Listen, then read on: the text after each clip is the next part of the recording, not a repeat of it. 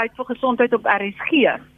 Ek gesels vandag weer en ek probeer so hard wegkom van COVID af en dan steek aan net weer 'n nuwe ding sy kop uit oor COVID. My gas vandag is Dr Piet Struyger. Hy's 'n data-analis uh, betrokke by Focus Protection en uh Piet, jy is ook betrokke by uh, een van die um, navorsingseenhede. Vertel net vandag vir ons daarvan. Ja, ek is uh, betrokke by Fanda en ek is ook betrokke by die Universiteit van uh, Johannesburg by die Instituut vir uh, Toekomstige Kennis. Ehm um, en ja, dan het ek my uh, Facebook bladsy Focus Protection en uh, ook op Twitter onder Pieter Straiger uh deel deel ek uh projeksies vir die verskillende provinsies. Nou, hoekom ek elke keer op Piet Straiger se nommer druk is omdat hy en en hierdie beramings waarby hy betrokke is elke keer die naaste aan die kol was. Ons het dit gesien heel aan die begin by die ehm uh, COVID pandemie en ook later in die pandemie kon mens maar baie getrou hierdie voorspellings volg. Maar toe kom Delta, die Delta variant by en hy gooi van die voorspellings van koers af. En nou gaan ons net kyk oor wat is die jongste tendense met een agneming van hierdie Delta variant wat nou so amok maak in Gauteng. Uh, Piet, is daar wat is die situasie in Gauteng? Is dit hoër as die tweede golf en is daar al 'n draaipunt in sig? Ja, so dit is wel hoër as die tweede golf. Ons kyk na min of meer 30% hoër as die tweede golf in terme van die lading op hospitaalbeddens en daar gaan 10 teen 30 na 35% uh meer sterftes wees op die piek tydens die piek as in vergelyking met die piek van die van die tweede golf. Nou interessant genoeg gevalle is is baie hoër, dis meer as 30% sent hoër en ons het dit sien toeneem hierso rondom 8 Junie. Was daar skielike verandering in die hoeveelheid gevalle wat ons gesien het in in in Gauteng. En die rede daarvoor is hoofsaaklik die Delta variant wat meer aan aansteeklik is. So as mens nou dink terugdink aan die eerste golf, die eerste golf was dit hoofsaaklik mense wat baie vatbaar was uh wat siek geraak het en en uh, soos die siekte deur al daai mense beweeg het het dit redelik vinnig afgeplat. Met die tweede golf het die uh aansteeklikheid van die siekte verhoog en dit het dan 'n groter deel van die bevolking oop vatbaar gemaak. So mense wat wat dalk uh ehm um, uh bietjie gesonder is as as die wat siek geword het in die in die eerste golf het nou ook siek geword in die tweede golf. En dieselfde gebeur nou met die met die derde die derde golf. Uh daar's 'n nuwe variant, die Delta variant. Is meer aansteekliker en dit beteken dat 'n uh, groter deel van die bevolking raak vatbaar vir vir uh vir vir die virus.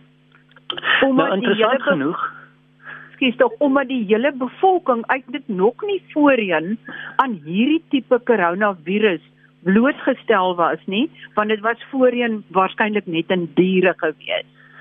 Ja, so die virus begin uh hy hy het onlangs oorgeskakel op mense. So die virus is nog nie so goed om almal aan te steek nie, maar oor tyd raak hy dan beter om om om almal aan te aan te steek en so verander die uh, epidemiologiese eienskappe uh byvoorbeeld die traject van die kurwes ver, ver, verander.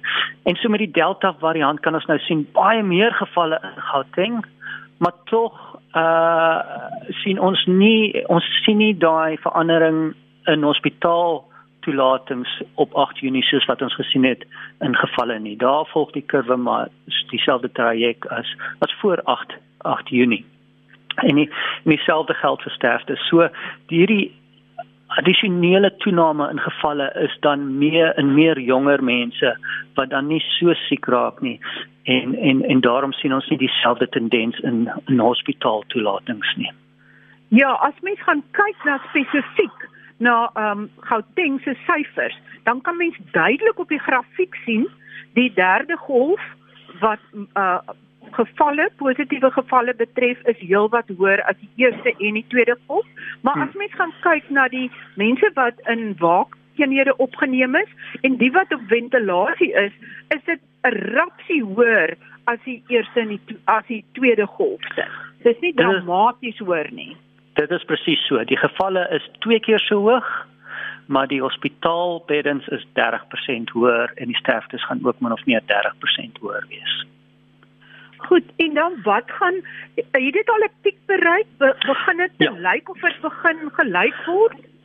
Beide uh gevalle en hospitaal toelatings is nou plat. So dit het dit het toegeneem en al hoe vinniger toegeneem die die die vinnigste tempo was hierso tussen 13 Junie en 23 Junie en dit het stadig begin afplat en uh die 7 dag gemiddeld waarna ek kyk vir gevalle en vir hospitaal uh, toelatings is is nou plat vir 'n paar dae. My voorspelling was vir 'n piek op die 7de uh Julie uh, en dis vandag en ek het daai voorspelling al 3 weke terug gemaak en die en die rede hoekom mens so akkuraat kan bepaal wanneer hy draai is omdat die die groeikoers in alle veranderings in alle veranderlikes neem stelselmatig af.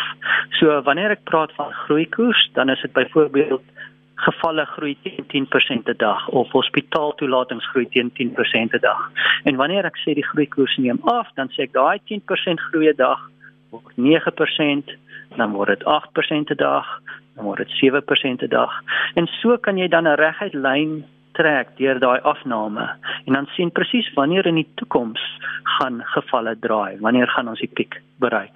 En uh dit het 'n redelike reguit lyn gevolg vanaf 8 Junie reeds uh wat direk gewys het na 7 Julie en en dus hoe ek my voorspellings maak. Dis 'n korttermyn voorspelling gebaseer op bestaande data. Goed, so as dan nou skielik 'n lambda variant bykom, dan kan dit nou weer alles omverwerk.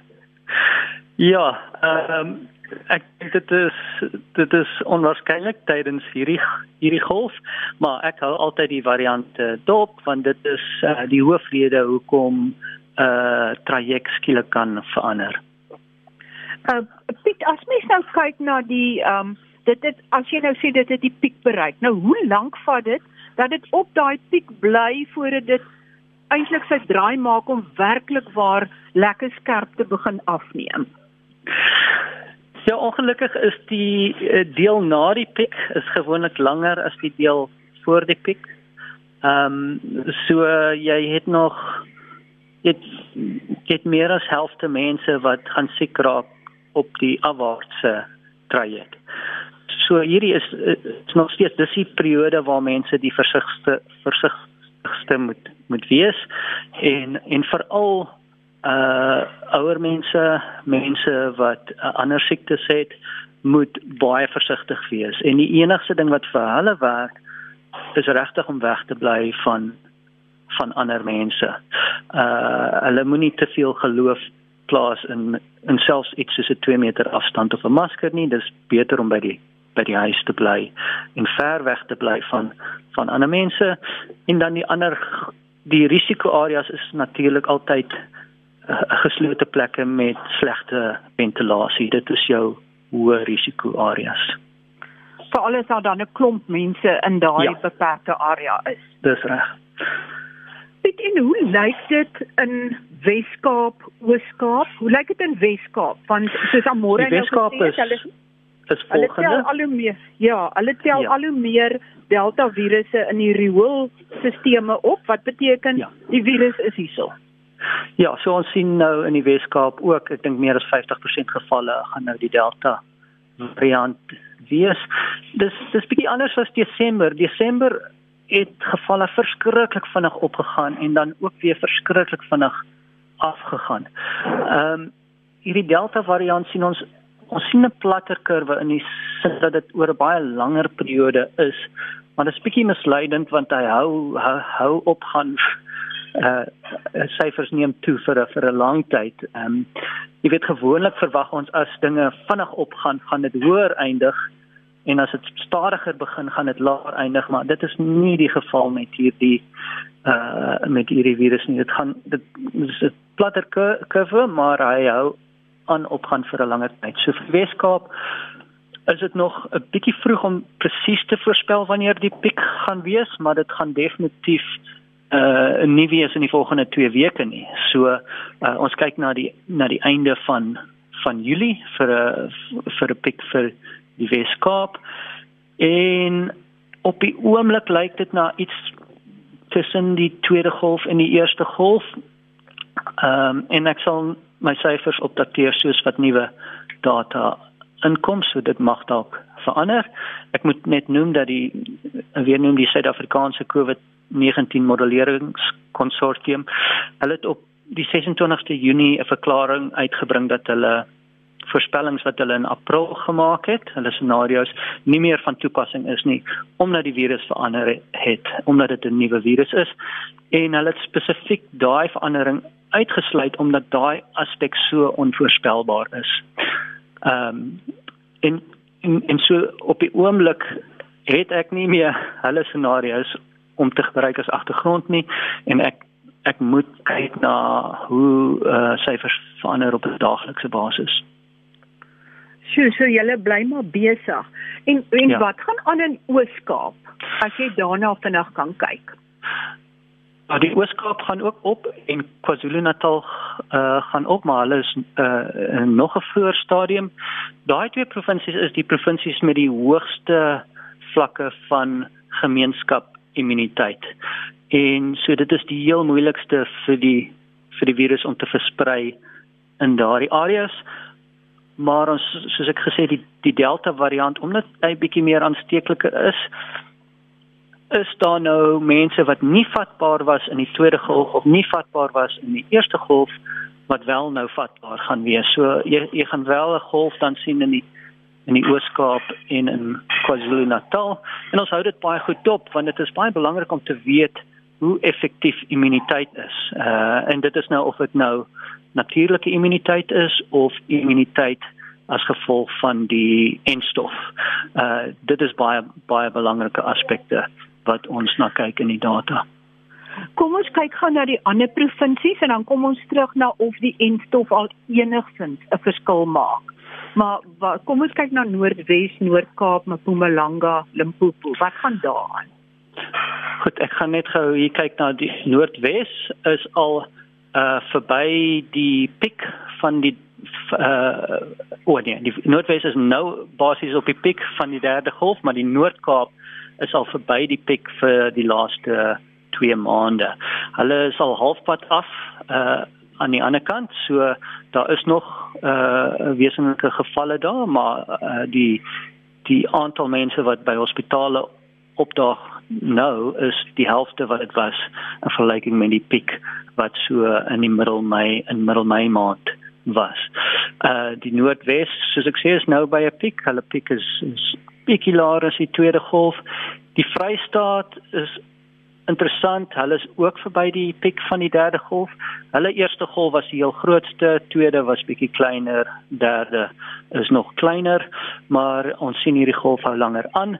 Ehm um, so hulle is ek sou sê die Vrystaat is nou op 2/3 van wat hulle was by die piek en die piek was aan die begin van van ehm um, uh van Junie. Gauteng het ek reeds oor gepraat. KwaZulu-Natal is nog baie laag, maar daar is 'n toename daar. Limpopo is ook nog baie laag, maar daar is 'n toename selfde vir Mpumalanga. En dan wil mens natuurlik weet, is daar enige aanduidings dat die vaksinering of die toediening van enstowwe enigsins 'n impak het op die virus of die aantal ja. gevalle? Ja. Vir daarvoor kyk ek eerder na Engeland. So ek dink in Suid-Afrika moet ons nie verwag dat die enstof uh verskil gaan maak aan ons syfers vir hierdie derde golf nie. Ehm um, mense moet hulle uh, enstof kry uh en ek dink op die oomblik is ons by 50 jariges en hoër so almal wat dit wat dit kan kry uh moet dit kry. Alle lande begin met ouer mense want vir hulle is die risiko die hoogste. Uh maar as ons kyk na Engeland en dit is interessant, hulle gaan nou alle hulle alle beperkings opskort wat ek voel 'n goeie ding is want dan kan ons werklik waar sien of die enstof werk. Op die oomblik lyk syfers baie belovend in Engeland want sterftes is baie laag alhoewel hulle gevalle soortgelyk is aan Suid-Afrika. Maar dit is 'n bietjie misleidend want hulle ehm um, hulle toets baie meer as ons en waar by ons uh 20% van alle toetse positief is, is dit heelwat laer in Engeland. Uh dit is min of meer 4 4%. So die die gevalle in die gemeenskap in Engeland is eintlik nog baie laag, alhoewel dit lyk of hulle nuwe gevalle soortgelyk is aan Suid-Afrika. So ons sal sien oor so 2, 3 weke, uh, ons hou dit baie dop, goed dop. Hulle het ook die Delta variant daar. Al wat ek kan sê op die oomblik lyk dit baie belovend. En dan is daar twee aspekte wat mens moet dophou. Wat is die effek van die enstof op 'n direkte basis? Wat se beskerming wat se beskerming gee dit vir jou as individu? En dan is daar ook wat is die voordeel voordeel op 'n gemeenskap basis in die sin dat dit mense om jou uh gesond hou en daardeur jou risiko verminder. Nou as direkte beskerming baie goed is, uh dan gaan dit nodig wees om minder mense in te ent. As direkte beskerming swak is, dan moet jy al hoe meer mense inent. So dit is die dit is die veranderlikes waarna ons kyk daar. Maar dit dit wil tog duidelik wys en ek het na um Engeland uh die Britse eilande se syfers gaan kyk en hoewel daar 'n toename is of nuwe gevalle is wat wel COVID positief is is die aantal sterftes baie baie laag. Dis reg. Ja, dit is baie laag. En en dit is sekerlik dan die effek van die vaksin of is dit nie die effek van die vaksin nie? Dit is hoogs waarskynlik eh uh, uh, die vaksin wat 'n rol daar speel. Die ander moontlike redes kan wees die wat tans siek word is meestal jong mense. So dit is altyd moeilik om 'n uh, klinkklare bewys wys te kry en en en daarom is ek maar versigtig as ek uitsprake maak. So ek ek sê dit is dit wys dis baie belovend op die oomblik en die feit dat die regering inperkings opskort is 'n teken dat hulle ook begin vertroue kry dat die enstof werk. Ja, het julle enige inligting oor wat die lambda variant in Suid-Amerika doen? Nee, ek het ongelukkig nie dit baie goed dopgehou nie, so ek kan nie daaroor kommentaar lewer nie. Goed, dan wil ek ek het onlangs 'n verslag gesien van uit Engeland uit die amptelike departement hulle nasionale gesondheidsverslag en daarin lys hulle omtrent 1000 sterftes van mense wat aan COVID gesterf het nadat hulle wel die vaksin gehad het. Nou dit word enerzijds gelys as met uh, aan die een kant kan dit maklik deur uh, sommige mense geïnterpreteer word as sterftes as gevolg van die vaksin. Maar as jy mooi gaan lees in die verslag, dan sien mense dit is mense wat ondanks die vaksin nog steeds uh COVID opgedoen het en dan wel nog uh, ernstig siek geword het, maar toe hulle begin uitwerk van hoeveel mense se lewens gered is, is dit omtrent 10 na 20 maal meer wat gered is as die wat gesterf het. So, uh, het jy dalk na daai verslag gekyk of enige iets daarvan? Ja. Uh kyk in Engeland is dit hulle nou by 'n situasie waar ehm uh, 99% van mense oor 50 het reeds die enstof gekry. So dit is 'n baie hoë persentasie. So as jy nog sterftes gaan kry in daardie groep, gaan die kans groot wees dat hulle wel die enstof gekry het en dan lyk dit asof meer mense doodgaan wat wel die enstof gekry het, maar dit is misleidend. Jy moet kyk na die gevalle sterfte syfer van die mense wat die enstof gekry het versus in vergelyking met die wat dit nie gekry het nie. En dan kan ons sien die gevalle sterfte syfer syfer is 3 keer laer vir die wat die enstof gekry kry. So dit is die een tipe beskerming. As jy positief toets, wat se kanse dat jy gaan doodgaan? Drie keer laer. Dis dis wat die syfers op hierdie oomblik wys. Dan is daar natuurlik ook 'n vermindering in die kans dat jy in eerste plek siek raak of dat jy positief toets. En op op hierdie stadium lyk daai vermindering na na 8 tot 10 keer, maar dit is nog baie vroeg om dit met sekerheid te sê. So as dit waar is, dan het jy beskerming van 10 maal 4 of 10 maal 3, dis 'n 30 keer beskerming. En dit sal baie hoog wees en dit's dit dit sal baie uh, positief wees as dit dit wel die geval was. Die onsekerheid is altyd, kyk ons is baie seker die enstof werk goed vir gesonde mense. Die onsekerheid kom met hoe goed dit werk dit vir mense wat reeds ander siektes het. Dit is waar die vraagteken kom. Maar soos ek sê, uh ons kan klaar verbetering sien in die data in Engeland vir oor 50s. En soos wat meer inligting uh bekend word, sal daar meer vertroue wees ook.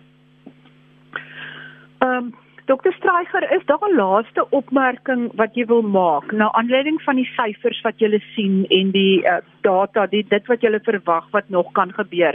Het sy in terme van die syfers of van die uh, uitwerking van die vaksines? Ek wil eintlik meer praat oor die effek van skole toemaak wat ek glo 'n baie negatiewe effek het. Daar kom nou al hoe meer inligting uit oor hoe inperkings skole beïnvloed het. Ons ons kan al sien dat een uit elke 10 leerders wat laas jaar op skool was, het nie teruggegaan skool toe vanjaar in Suid-Afrika nie. En en ek sien dit is 'n tragedie. En dan selfs toe die skole oop was, was meeste skole op 'n basis op dit 50% is daar die een dag, 50% by die huis. So die bywoning uh was baie laag selfs in die periodes waar skole skole oop uh, oop was.